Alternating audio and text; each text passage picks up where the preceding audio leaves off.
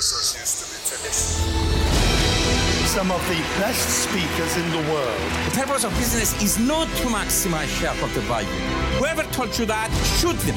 It brings together so many people and creates this high energy environment. Powerful speakers, powerful audience.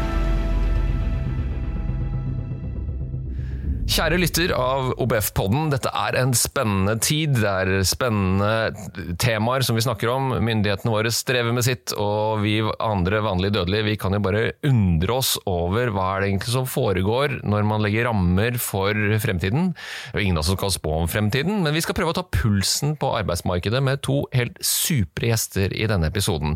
Med meg her har jeg Janne Kristiansen, som jobber som nasjonaldirektør, eller leder, av Defined. Velkommen. Takk. Og så har jeg også fått besøk av Even Bolstad, som er daglig leder i HR Norge. Tusen, tusen takk. Og før vi går løs, så skal jeg da utfordre dere, men samtidig advare lytterne om at vi skal snakke litt om noen rapporter som er nedlastbare henholdsvis fra HR Norge og tall fra Define, mm. hvor man kan sette seg inn i disse tingene hvis det stemmer for din arbeidsplass. Og Det vil jeg absolutt anbefale deg å gjøre, for vi kommer til å komme innom disse uten å nødvendigvis gå i dybden på rapportene. Men der finner du tallgrunnlaget, fordi det er litt sånn funnene dere har. Even først. Eh, under Arendalsuka så la dere fram noen funn som dere så flott har skrevet at hva holder direktøren våken om natta? Og som jeg har liksom oversatt også litt, kan vi ta litt pulsen på arbeidsmarkedet? Eh, og dere hadde snakket med og intervjuet 50 HR-ledere, og la fram disse funnene.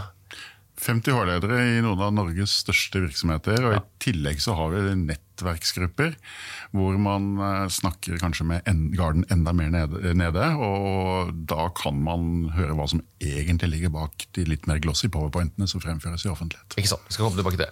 Og i Define så er jo dere også dere er jo en stor virksomhet i Norge som jobber med rekruttering og finner riktige folk til rett plass. og Spesialister, du skal fortelle meg litt om det snart etterpå, har også i og med at dere er knyttet til Randstad-systemet, et av de største sant, virksomhetene i hele Europa. I hvert fall.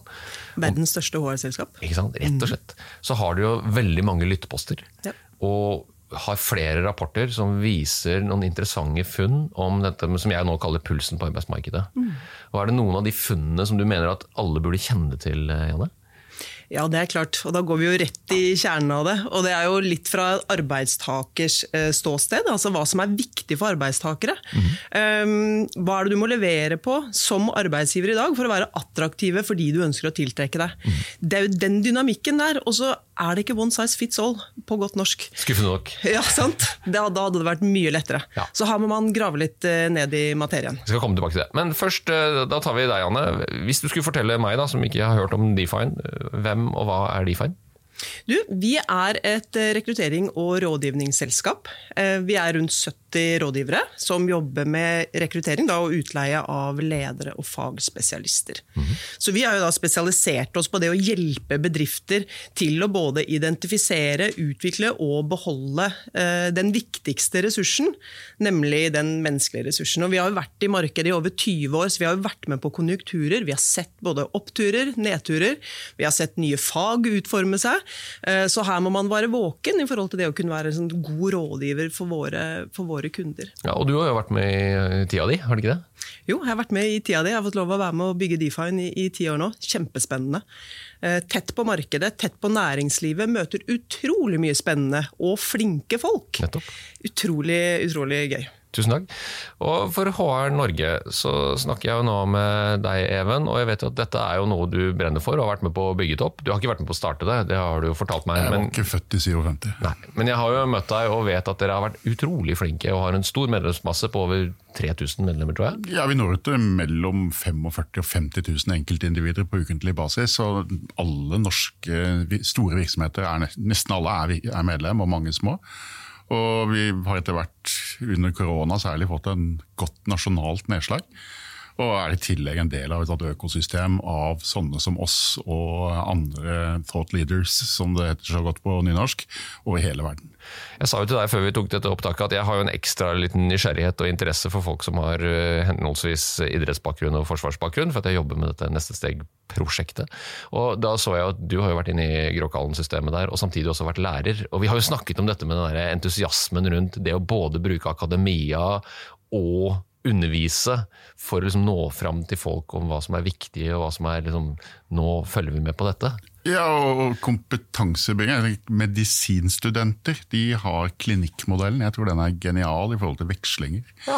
Eh, forsvaret hadde veldig mye av det samme som jeg kanskje ikke skjønte kvaliteten av før etter at jeg sluttet. I forhold til kontinuerlig påfyll, nye utfordringer, påfyll, nye utfordringer.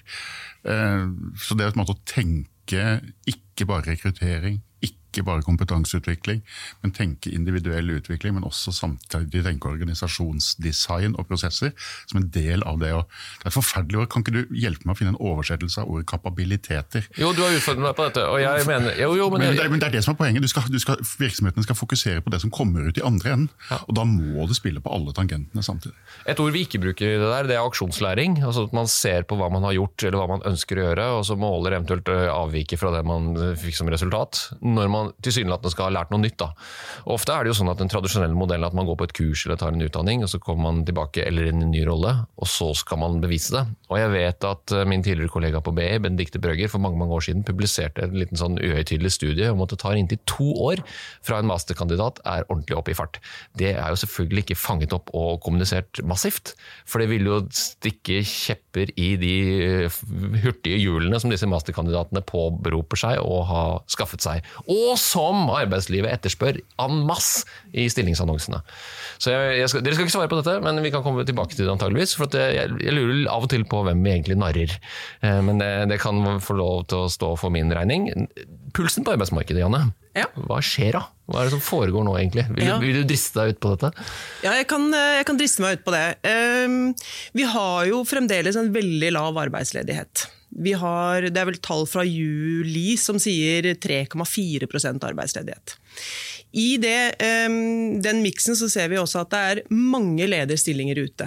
Vi snakker om at det er en stor nedgang, eh, 18% ca. hvis vi refererer til Finn i antall stillingsannonser. Men det er jo fra et skyhøyt nivå. Sånn at det er fortsatt god driv i arbeidsmarkedet. Og en, et annet element som spiller inn her, det er den ekstreme mobiliteten blant kandidatene. Folk flytter på seg, folk er interessert, og det settes rekorder i eh, si, trafikken på, rundt stillingsannonser. Så det er stor, stor eh, bevegelighet. Og dette henger jo sammen med et par faktorer som vi skal komme tilbake til, eller drivere for denne endringen. Men det er jo ingen tvil om at når, det, når du får høy mobilitet, så får du jo også Nå er jeg frekk med alle som går og tenker på å bytte jobb, og det er mange som tenker på det hele tiden. Det er jo den læringen, da. Nå, er du en lærer som prater, så han er mer opptatt av læring eller din karriereutvikling. men Det kan vi også t- touche innom etterpå. Eh, Even, du, har jo, du, du ser jo det samme du også, men kanskje med litt andre briller. Ja, ja, altså, Det er jo flere jobber som ser etter hender og hoder, enn det er hender og hoder som ser etter jobber. Og Hvis man skal være litt teknisk, så kan man dele arbeidsledigheten inn i det som er friksjonsledighet, altså folk er på vei mot noe annet, og det som er strukturledigheten. Og Det er strukturledigheten som er hvor djevelskapen ligger. Og det er eh, knyttet til at du har gal utdanning, at du ikke har et tilstrekkelig stort lokalt jobbmarked eller, eller den slags. Så, så, så det å ha en viss grad av ledighet, det er helt naturlig. Og når du er i den situasjonen nå at det altså er flere jobber som ser etter eh, hender og hoder enn omvendt, så, så betyr jo det bl.a. også lønnspress. Eh, Som, som har samfunnsøkonomiske konsekvenser, eh, naturlig nok, eh, og som ender opp med valuta og rente og verdens djevelskap. Ja, nei, så jeg, da, Sist dette skjedde i Norge, slo jo den lønns- og prisvekstspiralen inn med, og endte, kulminerte vel på en rente på opp under 18 Jeg skal ikke skremme folk med det, men det er det som ofte er det underliggende, er at det er flere ledige stillinger, og det blir kamp om å beholde folka, eller kamp i den forstand at du, det blir bud og overbud. da. Og Som igjen- sett fra de ansattes side, så er det de svakeste som taper. Ja, Så kan vi snakke om hva må til, og så vet jeg nå, Janne, her er det en lissepasning til deg, for noen har jo undersøkt dette. Noen har jo spurt arbeidsgivere rundt omkring og for å følge nettopp den pulsen på arbeidsmarkedet. og du, du har hvisket meg i øret at det er, noen, det er noen hindringer for norske ledere. Og du, du har vel fått svar fra en, flere hundre av de òg, ikke sant? Vi har det. Og sånn kort oppsummert så er det kompetanse, og så er det lønn. Der er vi, vet du. Så vi er rett inn i det du snakker om, Even. Det er, det er liksom, og, og hvordan skal man håndtere det? For jeg tror nok at også mange Eh, mange jobber med å sette kompetanse på en måte i system eh, i eget hus eh, for å beholde de ansatte. Og når vi spurte de, så, liksom, hva er det største hinderet, så sier to av tre at det å beholde de gode ansatte og utvikle gode ledere, det er noe av det vanskeligste de står overfor, i tillegg til det å tiltrekke seg riktig kompetanse. Eh, og som du nevnte lønn her, Even, så er det også interessant å si at fordi vi- de eh, lederne vi har snakket med, de sier at ja, lønnskravet kommer, og vi syns at det er altfor høyt lønnskrav i forhold til den kompetansen vi får i retur. Det er interessant. Ja, og da, Det som også skjer hvis du faller for fristelsen til å gå ut og shoppe nye kolleger, sette dem inn side ved side med en som har tilsvarende kompetanse, men da får dårligere betalt, det er jo at du, du får hele systemet til å, å, å vibrere. Og de som i utgangspunktet kanskje var fornøyd med de vilkårene de hadde, de ser på kollegaen sin, og så blir de sure, og så går de. Og det var jo ikke det du mente. Så dette her er litt sånn, det er Jon Leifertslov å pisse i buksa for å holde varmen. Det er sjelden noe godt konsept. altså. Ja, og så er, det noe med det at vi, vi eh, Det å beholde eksisterende ansatte så kan man tenke at det er strevsomt, fordi at kravene har blitt flere. Det er mye større krav til oss som ledere fra de ansatte, eh, og det er vanskeligere å holde på de. Samtidig så vil jeg påstå at det er eh, mer lønnsomt å investere i å beholde de, enn å jakte disse nye og den, de høye lønningene. For da får du også den situasjonen, for det er klart at har du hatt stabil, et stabilt selskap over mange år, eh, du har en god lønnsstruktur, den er satt og forutsigbar, og så skal man ut og sikre seg ny kompetanse, og så ser man at dette passer ikke inn i det systemet som allerede er. Det er utfordrende. Og så tenker jeg også at dette her er, Vi hører om dette fra utlandet, som vi legge det litt gjennom et norsk-nordisk filter inn i vår virkelighet. Og i dette store landet som heter utlandet, så er jo lønnsforskjellene mye mye større enn i Norge. Altså Det går mellom sektorer, det går mellom høy og lav, det går også innenfor samme stillingskategori. Og Det betyr at eh, det å få denne lønnsutfordringen off the table, altså ved rett og slett å ha en systematikk, det er i hvert fall en av mine, mine kjepphester. Og da kan man De fleste av oss syns at vi gjerne skulle ha litt bedre lønn, men, men det, er, det er sånn livet er. Men, men da kan du i hvert fall vise at du har en rettferdighet i bånn. Og da vet vi at da har folk en tendens til å, å ha, akseptere et utfall hvis du har en systematikk, eh, selv om den er negativ for seg selv. Dette er noe Bård Kyvås har snakket om i ti år. Nå skal jeg prøve å oppsummere. Nå. Jeg kjenner også til Bård sin forskning og det han prediker, og jeg er jo helt enig. i Det å være tydelig, sånn gjør vi det her hos oss, og samtidig at det er rom for utvikling, og at denne utviklingen må også da speiles i et eller annet som gir en, en output, da, eller et eller annet resultat, også for den enkelte. For vi, vi hører jo om denne, dette kompetansebehovet, og at folk må reskilles og upskilles, og det, det, er liksom, det flyter i hverandre, samtidig som man vet at ok, det er en, det er en underliggende frykt her også, for mange arbeidstakere ser jo og hører jo at her kommer det endringer som kan føre til at min rolle eller min oppgave kan enten automatiseres eller i hvert fall forandres til det bedre for noe som kan bli til det verre for meg, hvis jeg ikke tilegner meg noe nytt. Og det har vi jo sett i nå i 15-20 år. Det kommer jo noen utfordrere som gjør det billigere. Og nei, jeg snakker ikke om nye lavtlønte mennesker fra et land vi syns det er fint å importere billig arbeidskraft fra. Jeg snakker om den uunngåelige utviklingen om at alt som kan rasjonaliseres og effektiviseres, vil alltid tenderes til å gjøre det dersom det er lønnsomt. Og akkurat nå så heter det kunstig intelligens. Vi skal ikke gå inn i det, men hvis vi skifter fra arbeidsgiver til arbeidstaker, Janne, hva sier da arbeidstakerne om dette her? Når eh, arbeidstakerne i år er ute og ser etter hva, liksom, hva er den ideelle arbeidsgiveren, så er det igjen godt arbeidsmiljø som står på toppen. Det er viktig for folk. Det som har skjedd i år eh, fra i fjor, det er at lønn har kommet opp som driver nummer to. Eh, Opp fra plass nummer fire. Og eh, på nummer tre så er det god ledelse. Så De tre elementene det er det man liksom ser etter hvis man tenker at hvis jeg skulle byttet jobb, så er det dette jeg ville satt pris på. Så ser vi samtidig at jobbbytteatferden, altså når du faktisk står i det, når vi begynner å grave hvorfor bytter du jobb, da er det litt andre nyanser som kommer i spill.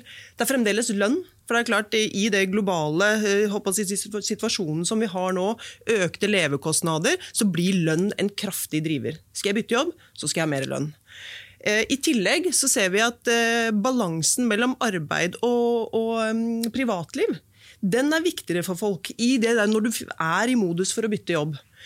så det, det må vi også ta med oss inn og legge til rette for. Vi ser at arbeidsgivere som kan tilby fleksibilitet, autonomi, ha et godt måte, verdigrunnlag, de, er, de blir veldig attraktive.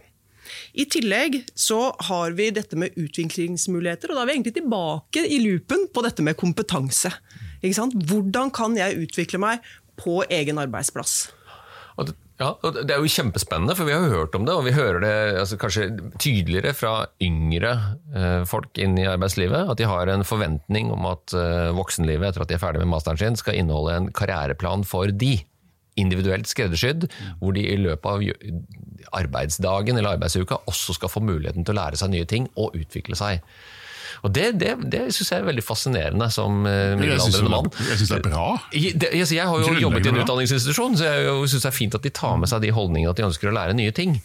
Noen ganger så blir jeg litt i stuss på om ja, forventer de da at det skal være en velmenende foresatt, en eller annen voksen eller en lærer som skal fortelle dem hvor de skal utvikle seg? For her kommer jo problemet! Det vet vi jo ikke, gjør vi vel? Vi kan jo mene noe om ja, sikkerhet og beredskap vokser, helse vokser, og behovene innen å kunne IT-kompetanse, det kommer vi til å trenge. Men vi vet jo ikke hva slags. Ja, vi, kan noe. Uh, vi vet at uh, altså, uh, Ambidextrous kaller vi det på nynorsk. Og det er liksom tvehendt, for den som vet hva det er. Altså, det, hvis du kan både IKT og psykologi, så har du en eller annen miks. Hvis du klarer å, å bygge de der eh, tvehendte kompetansene, eh, gjerne én litt spissere enn den andre, eh, så, så, stiller du generelt sett veldig veldig sterkt. Ja, nå snakker du om T-en, er det ikke det? Ja. Altså Ha en tydelig spesialistprofil, og så har du noe som du kan fortelle til arbeidsgiveren. Jeg kan også brukes til dette. Ja. Er det ikke det? Jo da, det er det. Og så er det noe, du nevnte hvem har ansvaret egentlig? da? Er det den ansatte selv som skal si at dette har jeg lyst til? Eller sitter de og venter på at lederen sier at vet du hva, dette tror vi du er god på, så har du ikke lyst til å liksom grave litt mer i det, kan ikke du utvikle deg liksom på dette? Så det er jo på en måte et samspill, og det er en åpenhet og, som, som må til tror jeg, og man må tørre å snakke om det. Hva har jeg lyst til å bli når jeg blir stor? Og så blir du ikke det i morgen. Og det ser vi jo kanskje at de unge arbeidstakerne er ganske utålmodige kjempesultne. Og de kommer jo fra en utdanningsenhet også hvor de har tilegnet seg kompetanse. De har bare lyst til å grave videre i dette.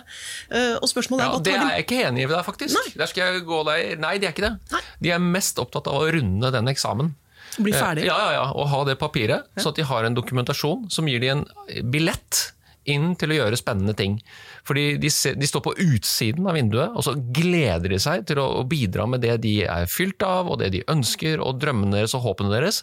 Og de fleste av de buklander i ganske kjedelige og intetsigende arbeidsoppgaver i starten. For det er jo ikke så flott og fantastisk at man får velge på øverste hylle helt i starten og får masse lederansvar, og idet man får personalansvar, så oppdager de at det er jo ganske plagsomt og slitsomt, og de færreste syns det er veldig gøy. Og det krever jo også en ro i, sant, i din egen, kall bevissthet rundt hva hva funker jeg til? Så jeg skjønner de veldig veldig godt, for avstanden fra det vi presenterer ofte, da, nå generaliserer jeg veldig, og det er selvfølgelig noen som definitivt ikke er der, men som er mye nærmere aksjonslæringen, slik at du kan ha de utplassert i en arbeidsrolle før du blir ferdig med masteren sin og diplomene sine og kursene sine. Så de bygger som påfyll. Men de som kommer der helt sånn ferske, med stjerner i øynene og har lyst til å ha en karriereplan og en utvikling, de vet jo ikke helt hva som treffer de. Og det er ganske tøft, altså. For det er tøft, men de er også utålmodige. For de tenker at ok, nå har jeg gjort dette. Og det, det er jo litt sånn eh, Arbeidslivet, du har mange år foran deg. Ja, God det, tid. Og det, og det, det, Grunnen til at de har det travelt, det er jo for at de har blitt lært opp til at du får bekreftelse omtrent på hver eneste bitte lille ting du har gjort. De har blitt spoonfeeda så godt, de, og de er så, de er så, forventningsfulle at jeg, jeg, jeg, gleder meg jo over at de er entusiastiske og nysgjerrige. Men så er det akkurat sånn som du er inne på, hvordan klarer vi å få med en slags langsiktighet i det? Fordi den utviklingen, hvis det er internskolene som skal ta vare på dette, og du skal møte de i nye påfyll, og samtidig inkludere de i en slags bygging av kulturen i, i, i selskapet, ja, hvem skal stå for det? nå, nå, nå, står, vi her, og det, vi, vi, begge i hvert fall vi to, vi har passert 35. Og, og, og, jeg tenker jo tilbake til hva, hvordan jeg var på det tidspunktet. Jeg var sikkert en plage for mine omgivelser, fordi jeg var til forveksling lik sånn som det er nå. Jeg husker jeg hadde en medarbeidersamtale en gang. hvor Jeg fikk beskjed om at Even, du må bli flinkere til å jobbe under evighetens perspektiv. Eh, For meg, så, jeg husker det fortsatt, det er den største turnoffen jeg noen gang har fått i en medarbeidersamtale. Jeg tror jo ikke at disse, de unge, er så fryktelig mer fryktelig annerledes enn det andre generasjoner har vært før dem. Men de lever i et arbeidsmarked hvor tilbyderen av arbeidskraft står så mye sterkere enn tidligere. Altså, vi snakker om arbeidsgiver og arbeidstager. Altså, hvis vi kaller det arbeidsselger og arbeidskjøper, da, bare for liksom å, å illustrere at det er et marked, så er det, hvis du har en solid kompetanse, så er det så til de grader selgers marked. Og da er det jo helt naturlig, tenker jeg, at man stiller større utfordringer. Ja, det er fint. Respekter det. Ja, ja, fint. Takk. Jeg, jeg vil du kommentere på det? Jeg har et annet spørsmål til deg, nemlig. Så hvis ikke du har en kommentar, så får du et spørsmål. For du har jo også i din, eller Dere har i deres funn eh, sett og gått litt nærmere på de som faktisk slutter. Altså de som da bytter jobb. For dette er jo interessant for ledere som må måtte venne seg til tanken at folk kommer jo til å slutte. Eh, men hva er det de sier? Det er altså Grunn nummer én da, som oppgis i dag for de som slutter, det er at de fikk et tilbud de ikke kunne takke nei til. Og Det er jo det er lett å si at å ja, da er det lønn, da. Da var det den lønna igjen. Men jeg tror jo at det begrepet det er mye mye større. Det handler om ja, betingelser, men det handler også om utviklingsmuligheter. Det handler om kanskje lederen. Fordi at idet du har sagt det, da, så har du egentlig parkert hele diskusjonen. Det er ikke noe vits å løpe etter og si at ja, men hva kan jeg gjøre for deg hvis du har fått et tilbud du ikke kan takke nei til. Da har du tatt beslutningen. Da har du tatt beslutningen, og så unngår du sannsynligvis også kanskje noen ubehagelige samtaler i forhold til hvorfor slutter du egentlig. Hvorfor var du i utgangspunktet interessert i å snakke med noen andre enn en oss? Kunne du ikke bare sagt da at du ville? ikke sant? Så er det jo ikke helt ny kompetanse. dette her sånn. Altså Når var det Hertzberg kom? 1956-7 eller noe sånt nå? Altså Hygiene og motivasjonsfaktor, mange har hatt det. Dette er jo, til for, det er jo ikke helt fremmed i forhold til det vi diskuterer nå. Det er jo, altså Hvis du sier at lønn hvis vi er tilbake til det, skal rekruttere, motivere og beholde, eh, kanskje også målrette, så er det altså andre faktorer eh, på det å eh, motivere og det å beholde og det å rekruttere. Og det du kjenner på innsiden av virksomheten, det er limet. Men du kan jo ikke eh, klare med samme kraft å selge inn de kvalitetene som er lim i organisasjonen i et ansettelsesintervju. Eh, Vi har 15% dårligere lønn enn konkurrentene, men vi har et veldig godt arbeidsmiljø. Altså. Men har du et godt arbeidsmiljø, og spiller godt på det, så sant, Jobben til oss ledere er jo egentlig å få disse ansatte til å ikke ville snakke med andre, fordi at de har det så bra Ja. eh, der de er. Så arbeidsmiljø er jo nummer én driver i forhold til ansatteengasjement. Og. Og så lett og så vanskelig. Ja, å beholde. Helt, helt klart. Men Er det da en lederoppgave og eieroppgave primært til å følge med i timen og oppgradere, hvis man har behov for det, sin egen om ikke lederstil, så i hvert fall påvirkning på kulturen blant de ansatte? Og kanskje ikke være så opptatt av vi og dem og hvor gamle de er og hvor de er på veien, og alt sammen, men sørge for at ja, det er god stemning på jobben? Er det det du sier nå? Ja, God stemning, det ble liksom litt sånn der uh, hipp hurra. Og, og? Men altså, det er jo, jeg lever jo den naive troen at uh, prestasjoner og et godt arbeidsliv, eh, lønnsomhet, altså godt for virksomhetene, godt for individene, godt for samfunnet, at der har vi kanskje et nasjonalt konkurransefortrinn. Eh, kulturelt konkurransefortrinn i hele Nord-Europa, egentlig, Nordvest-Europa. Hvor vi klarer på en måte å spille hverandre gode eh, og, og anerkjenne at sammen så når vi bedre resultater enn hvis vi bare rir særinteressene. Så jeg tror at hvis vi skal tenke sånn norsk kontekst kontra veldig mange av de lærebøkene, så er jo akkurat den der samspillsgreia eh, veldig viktig. Så tenker jeg også det at det kan bli en hvilepute eh, i forhold til å adressere. Jeg tror, liksom ikke, jeg tror ikke at du klarer å skremme folk til bedre prestasjoner sånn over tid. Eh, så den der burning platform-tankegangen, den, den alene, den er jo ikke veldig gunstig. Men, men det på en måte å ha litt grann sånn eh, forståelse for at det er et behov for å endre. Og vi kan tilby en bedre mulighet. Eh, De to i kombinasjon, sånn at den enkelte faktisk blir med på reisen mot en bedre virkelighet også for seg selv.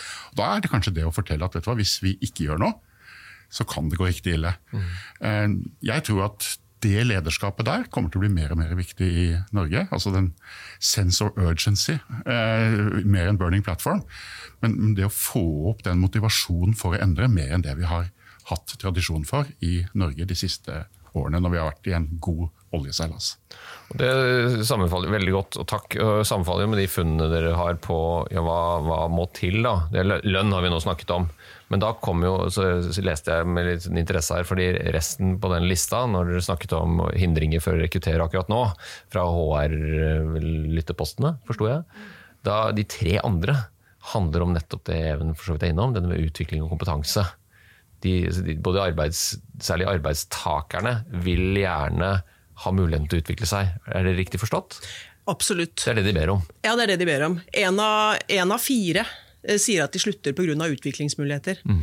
Og jeg tror at eh, Hvis du tenker deg at 25% av de som slutter hos deg, de kunne vært kanskje unngått hvis du hadde vært god på å fasilitere og tilrettelegge for kompetanseheving og utvikling. Ja, har du noe godt eksempel til meg? Er det noen som gjør dette på strålende vis, og som eh, du ut av hatten nå på sparket kan si at gjør som de?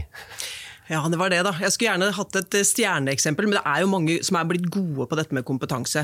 Eh, og så er det lettere i større konsern, kanskje, som har litt mer muskler, har litt flere folk. Sånn at de kan sette på et lite team at dette må vi jobbe med å sette i system. Ja. Eh, men jeg tror det handler om det å, å gjøre læring tilgjengelig eh, når det passer den enkelte.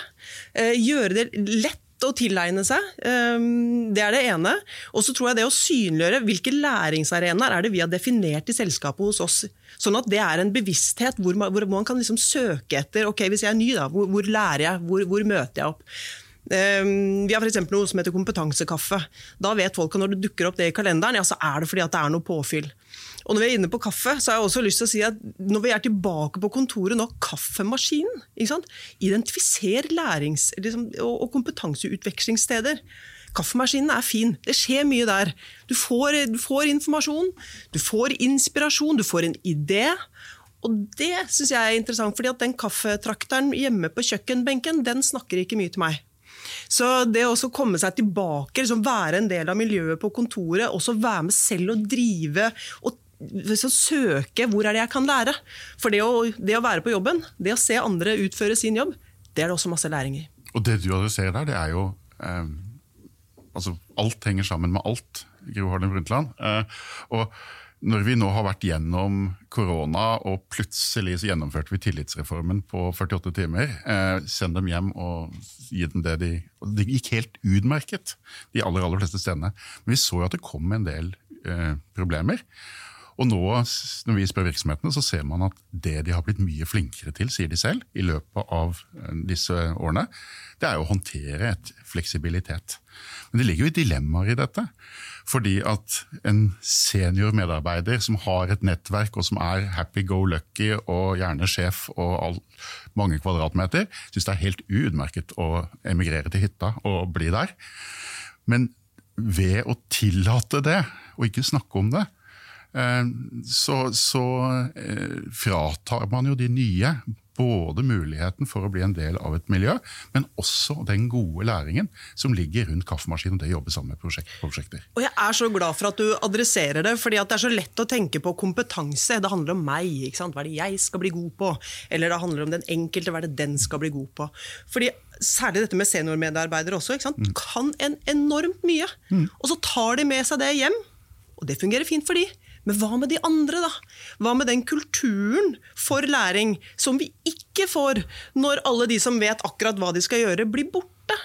Så det også er jo et Vi har ikke bare ansvar for egen kompetanse, men vi har ansvar for andres kompetanse, altså totalkompetansen i selskapet. Den må vi alle være med og fjule. Og Da er du nødt til å delegere myndighet ned til det laveste ledd. Eh, og det er dialogen innenfor arbeidsgrupper og eh, ledere. Slik at man kan snakke om og bygge en forståelse for dette. Og hvis du skal overføre makt, så betyr jo det faktisk at noen også må gi fra seg makt. Og da utfordrer det jo ganske mye det norske arbeidsliv. Så jeg tror det kan være en bølge som kommer nå etterpå, eh, i forhold til hvor mye makt skal sentraliseres, og hvor mye skal ligge helt ute. Men hvis vi stoler på hverandre, så tror jeg at vi har en fantastisk et fantastisk godt utgangspunkt. Og vi er jo verdensmestere i tillit i Norge. Så jeg, jeg tror at eh, er det noe land som har forutsetning for å få til dette her sånn, så er det oss. Jeg har lyst til å plukke opp det med læring snart, men jeg skal bare gi et tips til deg som hører på. Hvis du har lyst til å, ha et eksempel som riktignok går over over en halvtime, det er en av de tidligste episodene i OBF-podden hvor vi snakket med Thommessen, som jo utfordrer partnerne til å dele historier med de yngre hvor ting ikke gikk så bra. Hvor nettopp det der blir, hvor man senker litt den der garden og fasaden og gir et litt sånn reelt innblikk i sårbarhet rundt det å skulle mestre på, på med stor fallhøyde, selvfølgelig. Og man ser jo i mange selskaper nå har ikke jeg fulgt med det, og jeg er jo heller ikke jurist eller advokat, så jeg kommer jo aldri på innsiden der for å se om det virkelig er sånn de gjør det, men det er det de forteller at de gjør. da. For å skape den derre hm, jaha, det er jo sånn det er, vi lærer jo over tid. Gjerne mest av det vi ikke får til. Eh, Spesielt når vi prøver igjen. og Nå kommer jeg tilbake til det jeg skulle si. fordi at Læring, ja. eh, Møteplassen selvfølgelig for å få inspirasjonen. Og fleksibilitet for å ha tilgjengelighet. Men det er fortsatt to viktige komponenter til hvis du skal sjekke det av med læring. Du snakker jo nå med en lærer, og jeg er litt for opptatt av dette til å ikke la det fare. fordi det du trenger er den tiden hvor den som skal lære noe, reflekterer. Og så, det er kanskje aller viktigste, og det er ikke eksamen, men det er bekreftelsen på at du kan bruke det til noe. Ellers er det helt bortkasta og meningsløst. Og det er altså så mange som strever med å lage kursopplegg og utvekslingsprogrammer og påbygning og gudene vet hva det ikke er, for å få den diplomen, legge det ut på LinkedIn og se hvor flink jeg har vært. Men så må du jo få det der til å funke i organisasjonen, slik at alle blir bedre. Slik at det er faktisk nyttig. At det kan tas ut som en output som gjør et bedre ja, en arbeidshverdag, eller løser oppgaven på en bedre måte, eller kanskje ender opp med å bytte ut et system. For at noen som man stoler på, apropos tillit, har funnet noe som faktisk kan fungere bedre. Uten at du får massiv motstand fra de andre kollegaene dine. At nei, dette er helt meningsløst, for her har vi et system, det har fungert i 15 år, Tor, og hvorfor skal vi bytte ut det, og den der læringen som handler om noe mer enn bare inspirasjon, og at du merker motstand, og det gjør du jo. Hvis du kommer med nye ting som ikke har vært prøvd før, og de som er der fra før tenker bare hva har skjedd nå? Det er to argumenter du kan bruke sammen. Det ene er det har vi ikke prøvd før. Og det har vi prøvd før. Altså Hvis du bruker de taktisk sammen, Ja. så dreper du alt. Ja, ja, ja, dette har vi prøvd før. Jo lenger vi har levd, og jo mer erfaring vi har. Selvfølgelig har vi prøvd dette flere ganger, Janne. Her kommer du seilende inn med en ny fiks idé. Kjempegod til å skyte ned. Ja, Eh, det, det går ikke. Vi prøvde 1987 sist. Helt meningsløst. Men men det, dette med kompetanse handler også om hva vi som ledere legger til rette for. Hva vi signaliserer. Og vi er jo, ikke sant? Vi er jo ofte i en skvis. Ja, lønnsomhet på ene siden, og så ønsker vi at folk utvikler seg. Eh, og hvor mye rom gir vi til at folk skal utvikle seg? Og da kan man si, Når vi vet at en av de viktigste årsakene til at folk bytter jobb, er dette med ønsket om et eh, balanse mellom arbeidsliv og fritid, forventer vi da at eh, ja, lær gjerne så mye du vil, ta de kursene du vil, men du må gjøre det i tillegg til.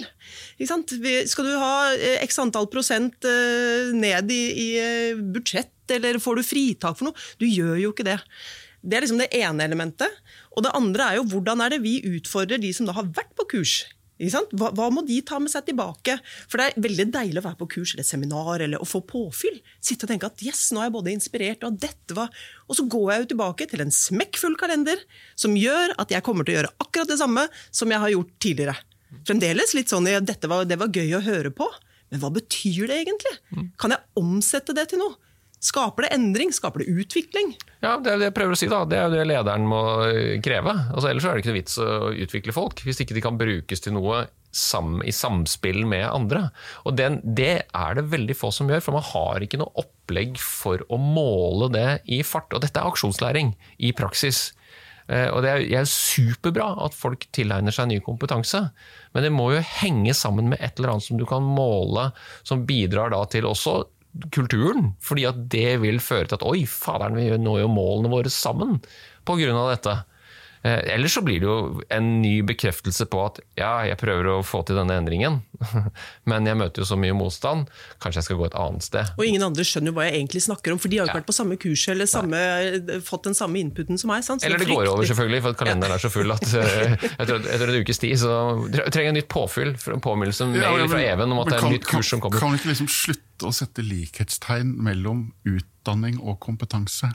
Jeg tror liksom at, at uh, For all del. Altså jeg tror at jeg elsker dyktige mennesker med masse og høy utdanning, for de har en metodeforståelse som er helt rå. Og det er kanskje det som er noe av det viktigste. Og de har en evne til å lære. Men lærings, den viktigste læringsarenaen det er virksomhetene. Og, vi, og Da er jeg tilbake til tangentene mine. altså Hvis vi setter opp situasjoner, hvis vi løser opp organisasjoner, hvis vi eh, tenker mer smidighet, hvis vi også gjør dette i en læringskontekst og lar folk få lov til å ta den utviklingsreisen sammen med sine egne kolleger, så sitter du igjen med ofte mye mer fra alles eh, perspektiv. Og så tror jeg også at den der, eh, de læringsmulighetene som ligger nå digitalt eh, jeg tror, Når jeg ser en del av de norske offentlige utredninger, så er de veldig universitetssentriske og ikke læringssentriske. Og det gir meg litt kløe. Så, så, så, jeg tror at vi er nødt til å, å bygge videre på det som skjer i virksomhetene. og utvikle, utvikle, og da er f.eks. organisasjonsdesign. Det å ha en fleksibilitet i samhandling med eksterne miljøer. Eh, og, tenke på en organisasjon som noe annet enn en sånn firkantet, lukket boks. Eh, der tror jeg at veldig mye av den kompetanseutviklingen som gjør at folk faktisk klarer å levere noe i andre enden, ligger. Jeg har lyst til å plukke opp det du sier om uh, utdanning. For det, Vi som jobber med rekruttering, vi er jo ute og utfordrer kundene våre. Hva, hvilken kompetanse er det du trenger? Uh, til hva? Og så er det noe med hva med utdanning? Og Det må i hvert fall være en bachelor, helst en master. Ok, Hva skal du bruke den til? Nei, men det er jo det, det er greit, det, vi gjør det hos oss. Uh, og du nevner metodekompetansen. Helt definitivt. Mm. Det får du. Uh, men hva er det du ikke får, hvis du bare går etter det, det elementet? Får du streetness, uh, smartnessen? Får du den dynamikken? Har du da en mangfoldskompetanse? For jeg tenker at Noen ganger så må vi se forbi bransjeerfaring, vi må se forbi utdanningskrav, vi må identifisere komplementære ferdigheter. Hva er det du har gjort før, eller hvilken bakgrunn har du som gjør at dette kan være spennende for oss? Og Da åpner det seg opp et bredere kandidattilfang, eller baserate, som vi ville sagt. Altså, Du har flere folk å velge mellom, hvis du er litt mer raus i åpningen. fordi det er utrolig hva som skjer mellom, jeg håper å si, over bordet når du begynner å snakke med folk. Du er mer enn det som bare står på CV-en. Det er lett å, å på en måte bli litt sånn teknisk at ja, den, den fyller kravet, den fyller ikke kravet. Men det sitter et menneske bak. Og Der tror jeg at vi, vi har en oppgave å både utfordre og investere mer tid når vi jobber med rekruttering. Og det, er, rekruttering er en risikosport. Eh, altså det er det som tvinger oss til at vi, i prinsippet så er vi jo alle for det du sier. Og Så kommer vi tilbake og så skal vi gjøre en ansettelse. og Så skreller vi litt. Jeg har ikke akkurat det, jeg har ikke akkurat det. Men det er jo noen som passer helt innenfor boksen. Og så reproduserer vi de de vi hadde fra før av. Men hvilken boks er det? Er det min boks? Fordi det er tryggest for meg å velge noen som er lik meg? Exactly, og, og, men, men altså, det starter jo med kravspekken. Ja. Altså å, å, lage en solid kravspekk. Hva er det egentlig som er behovet? Og behovet er jo veldig sjelden å klone Trine som akkurat gikk ut av døra. La oss prøve prøve å skjære litt gjennom nå, fordi Vi kunne ha holdt på med denne samtalen om kompetanse og hvem som kan utvikle hva og har ansvar for hva. og Fra lærersiden så vet jeg jo ofte at det er så enkelt at jeg kan se det i øya på de aller, aller fleste, om de er interessert eller ei. Eh, og det, Hvis de begynner å flakke med blikket og ser en annen vei, så trenger ikke jeg bruke deres tid eller min tid på å prøve å overtale dem til noe som helst. Et sånt gammelt forelesertips om hvem du skal snakke med i pausen, eller også på jobben.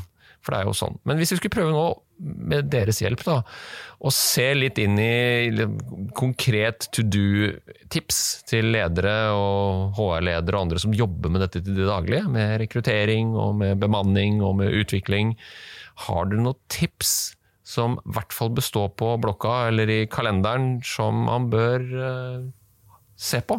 Even, vil du begynne? Skal man, hva skal man ha på blokka? Ta utgangspunkt i behovet. Uh, kompetanse, Når vi spør virksomhetene, så er det kompetanse kompetanse i alle varianter som kommer opp. Men, men igjen, altså det de er tilbake til, det er kapabilitet.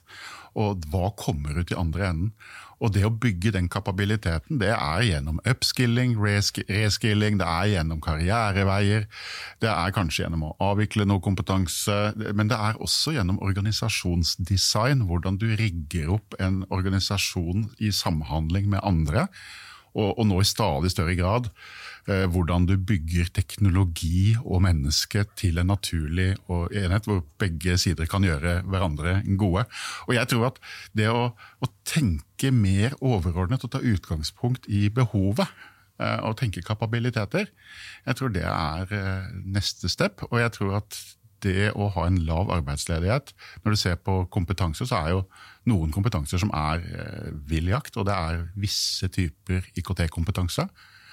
Og, og, det hemmer jo organisasjonene som ønsker å bruke IKT i forhold til å utvikle andre områder. Så, så det å bygge opp kompetanser på de der flaskehalsene som ligger, det er jo en, ikke bare noe man kan sette seg ned og vente på at NTNU pusher ut veldig mange flere, det er jo noe virksomhetene må ta faktisk ansvar for selv. Og, og igjen, du behøver ikke nødvendigvis en, en, mastergrad i IKT for å gjøre relativt enkle IKT-oppgaver. Det kan være en mulighet. Karriereutvikling for andre i virksomheten som kanskje ser en at yrket deres tipper over kanten om en fem til ti år. Så ta samtalen, bygg kompetanse, og, og sørg for å holde folka dine ansettbare. Det tror jeg er noe av det aller, aller viktigste. Takk, Even.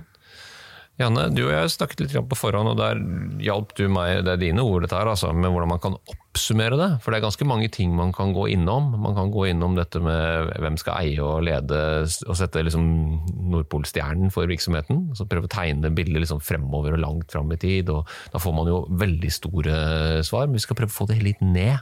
Mm. På sånn actionable tools. Ja, og jeg, jeg, tror jo også det koker jo ned igjen til ledelse, egentlig. Eh, verdibasert ledelse, autentisk ledelse. For det handler om, Skal du tiltrekke deg om det er si, kompetanse, så må du være attraktiv. da. Og Da må du vite hvem er det du skal være attraktiv for, og hva er det de setter pris på. Og så må man justere deretter. Så det å ha et autentisk lederskap, eh, det er viktig. Én eh, av fem ville heller vært arbeidsledig enn å jobbe for et selskap som ikke er i tråd med egne verdier. Den kan man liksom knagge litt på. Eh, mangfoldet er viktig. Sørge for å investere i det. Tørre å by på det. Halvparten sier at de gjerne vil jobbe i et, et, selskap som er god på mangfold, inkludering og likestilling. Det er sånn tall fra våre undersøkelser. Og jeg bare har lyst til å komme inn på det også, dette med, dette med mangfold. Jeg så en paneldebatt i, i, Arendal hvor det var en utrolig inspirerende ung leder som, som, sa til meg at det er klart vi må ha kvotering inn i styrene. Vi må ha flere kvinner. Og så kan man diskutere kvotering eller ikke. Men han sa noe som jeg syns var veldig sånn godt betegnende, og det var dette med at hvis du vil være en moderne arbeidsgiver, og attraktiv, da, fordi du skal være, så må du ha et mangfold. Så det, det, det, må man investere og det må man eh, sørge for å være god på. Og jeg håper jo på sikt også at det blir eh, vi har snakket litt om det, men at det blir en sånn internalisert del, ikke noe sånn tilleggsting som man gjør ved siden av fordi man må. Dette burde ligge om det handler om kjønn, etnisitet, nedsatt funksjonsevne, what not. Det bør bare være en del av det vi gjør. Um, Kompetanse har vi snakket mye om. Eh, jeg er helt sikker på at eh, det er ganske mange som hadde sluppet å slutte for å lære noe nytt. Og det er en litt sånn Det må vi tenke på. Det, går man stilltiende? Nei, det er jo ikke noe utvikling for meg her, så da ser jeg meg heller etter om noe annet. Eh, og så er det tilbake til arbeidsmiljø.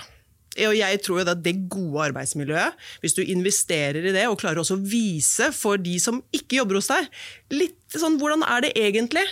Da tror jeg det har mer å si enn tallene på lønningsslippen framover. Det er ikke det som får deg til å stå opp og tikke og gå om morgenen. Hvis du skal koble det til eh, læring, eh, så er jo sånn det kognitive mangfoldet, det funksjonelle mangfoldet, det er jo det som gir kolleger læringsmuligheter. Eh, så det, det å se ting i helhet der. Og så har jeg lyst til å si, jeg er helt enig med det med ledelse.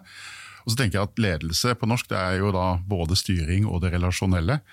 Og noe av de styringsgrepene som en virksomhet kan ta i forhold til å holde på folk. Og liksom, Tenk på et tall, men vi sier ofte at 1,5 gang årslønnen det er det det koster når de du ikke ønsker skal plutselig gå ut av døra. Eh, så det er veldig lett å regne seg hjem til å, at det lønner seg å beholde folk. Men, men, men det som vi, ofte er problemet når man pushes og pushes og pushes på leveranse med litt knappe ressurser, så vil jo ikke lederne la de flinke folka sine gå til et annet sted i virksomheten. For de er så veldig verdifulle her. Men konsekvensen hvis du eh, ikke gir de menneskene mulighet, det er jo at de slutter likevel, og så går de til en annen virksomhet. Så det også å bygge inn eh, insentiver, struktur, bygge det inn i strukturene, at det å eh, miste en medarbeider til en annen enhet, til en annen avdeling innenfor samme paraply, at det er noe som skal feires. Det tror jeg også er sånn mer og mer viktig styringsgrep. Dette har vært på de beste virksomhetenes radar i mange mange, mange år, men jeg tror det kommer til å bli aktuelt for stadig flere. Og så tror jeg vi også skal se på dette med karriere, karrieremuligheter. Hva er en karriere? Hele arbeidslivet ditt er jo egentlig en karriere. Så må vi også akseptere at noen ganger så går den bortover. Noen ganger til og med litt nedover, og kanskje til og med tar en U-sving.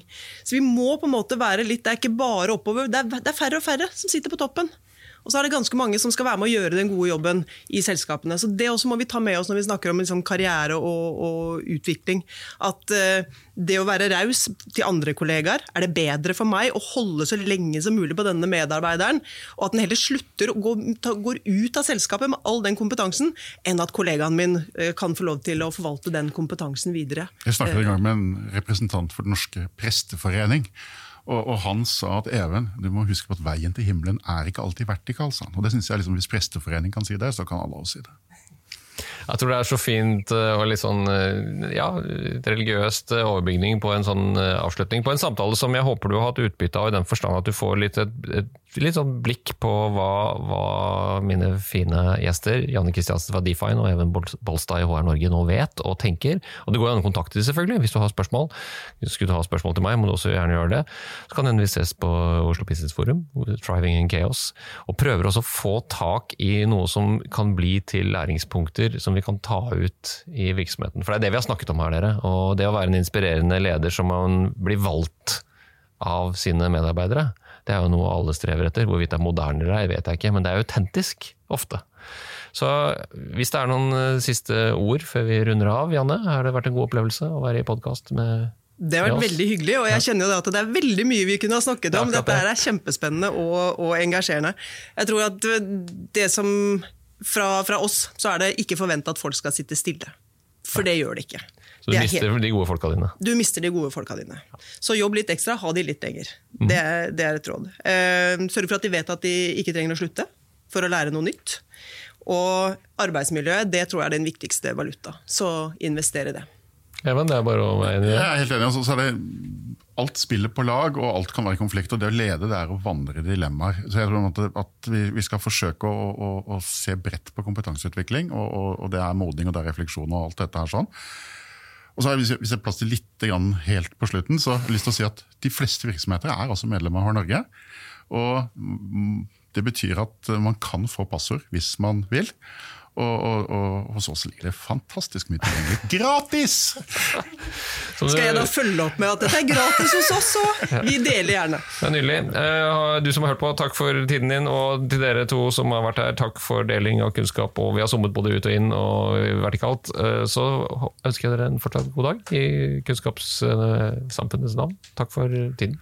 I like måte. Takk for invitasjonen. Some of the best speakers in the world. The purpose of business is not to maximize shareholder value. Whoever told you that, shoot them. It brings together so many people and creates this high energy environment. Powerful speakers, powerful audience.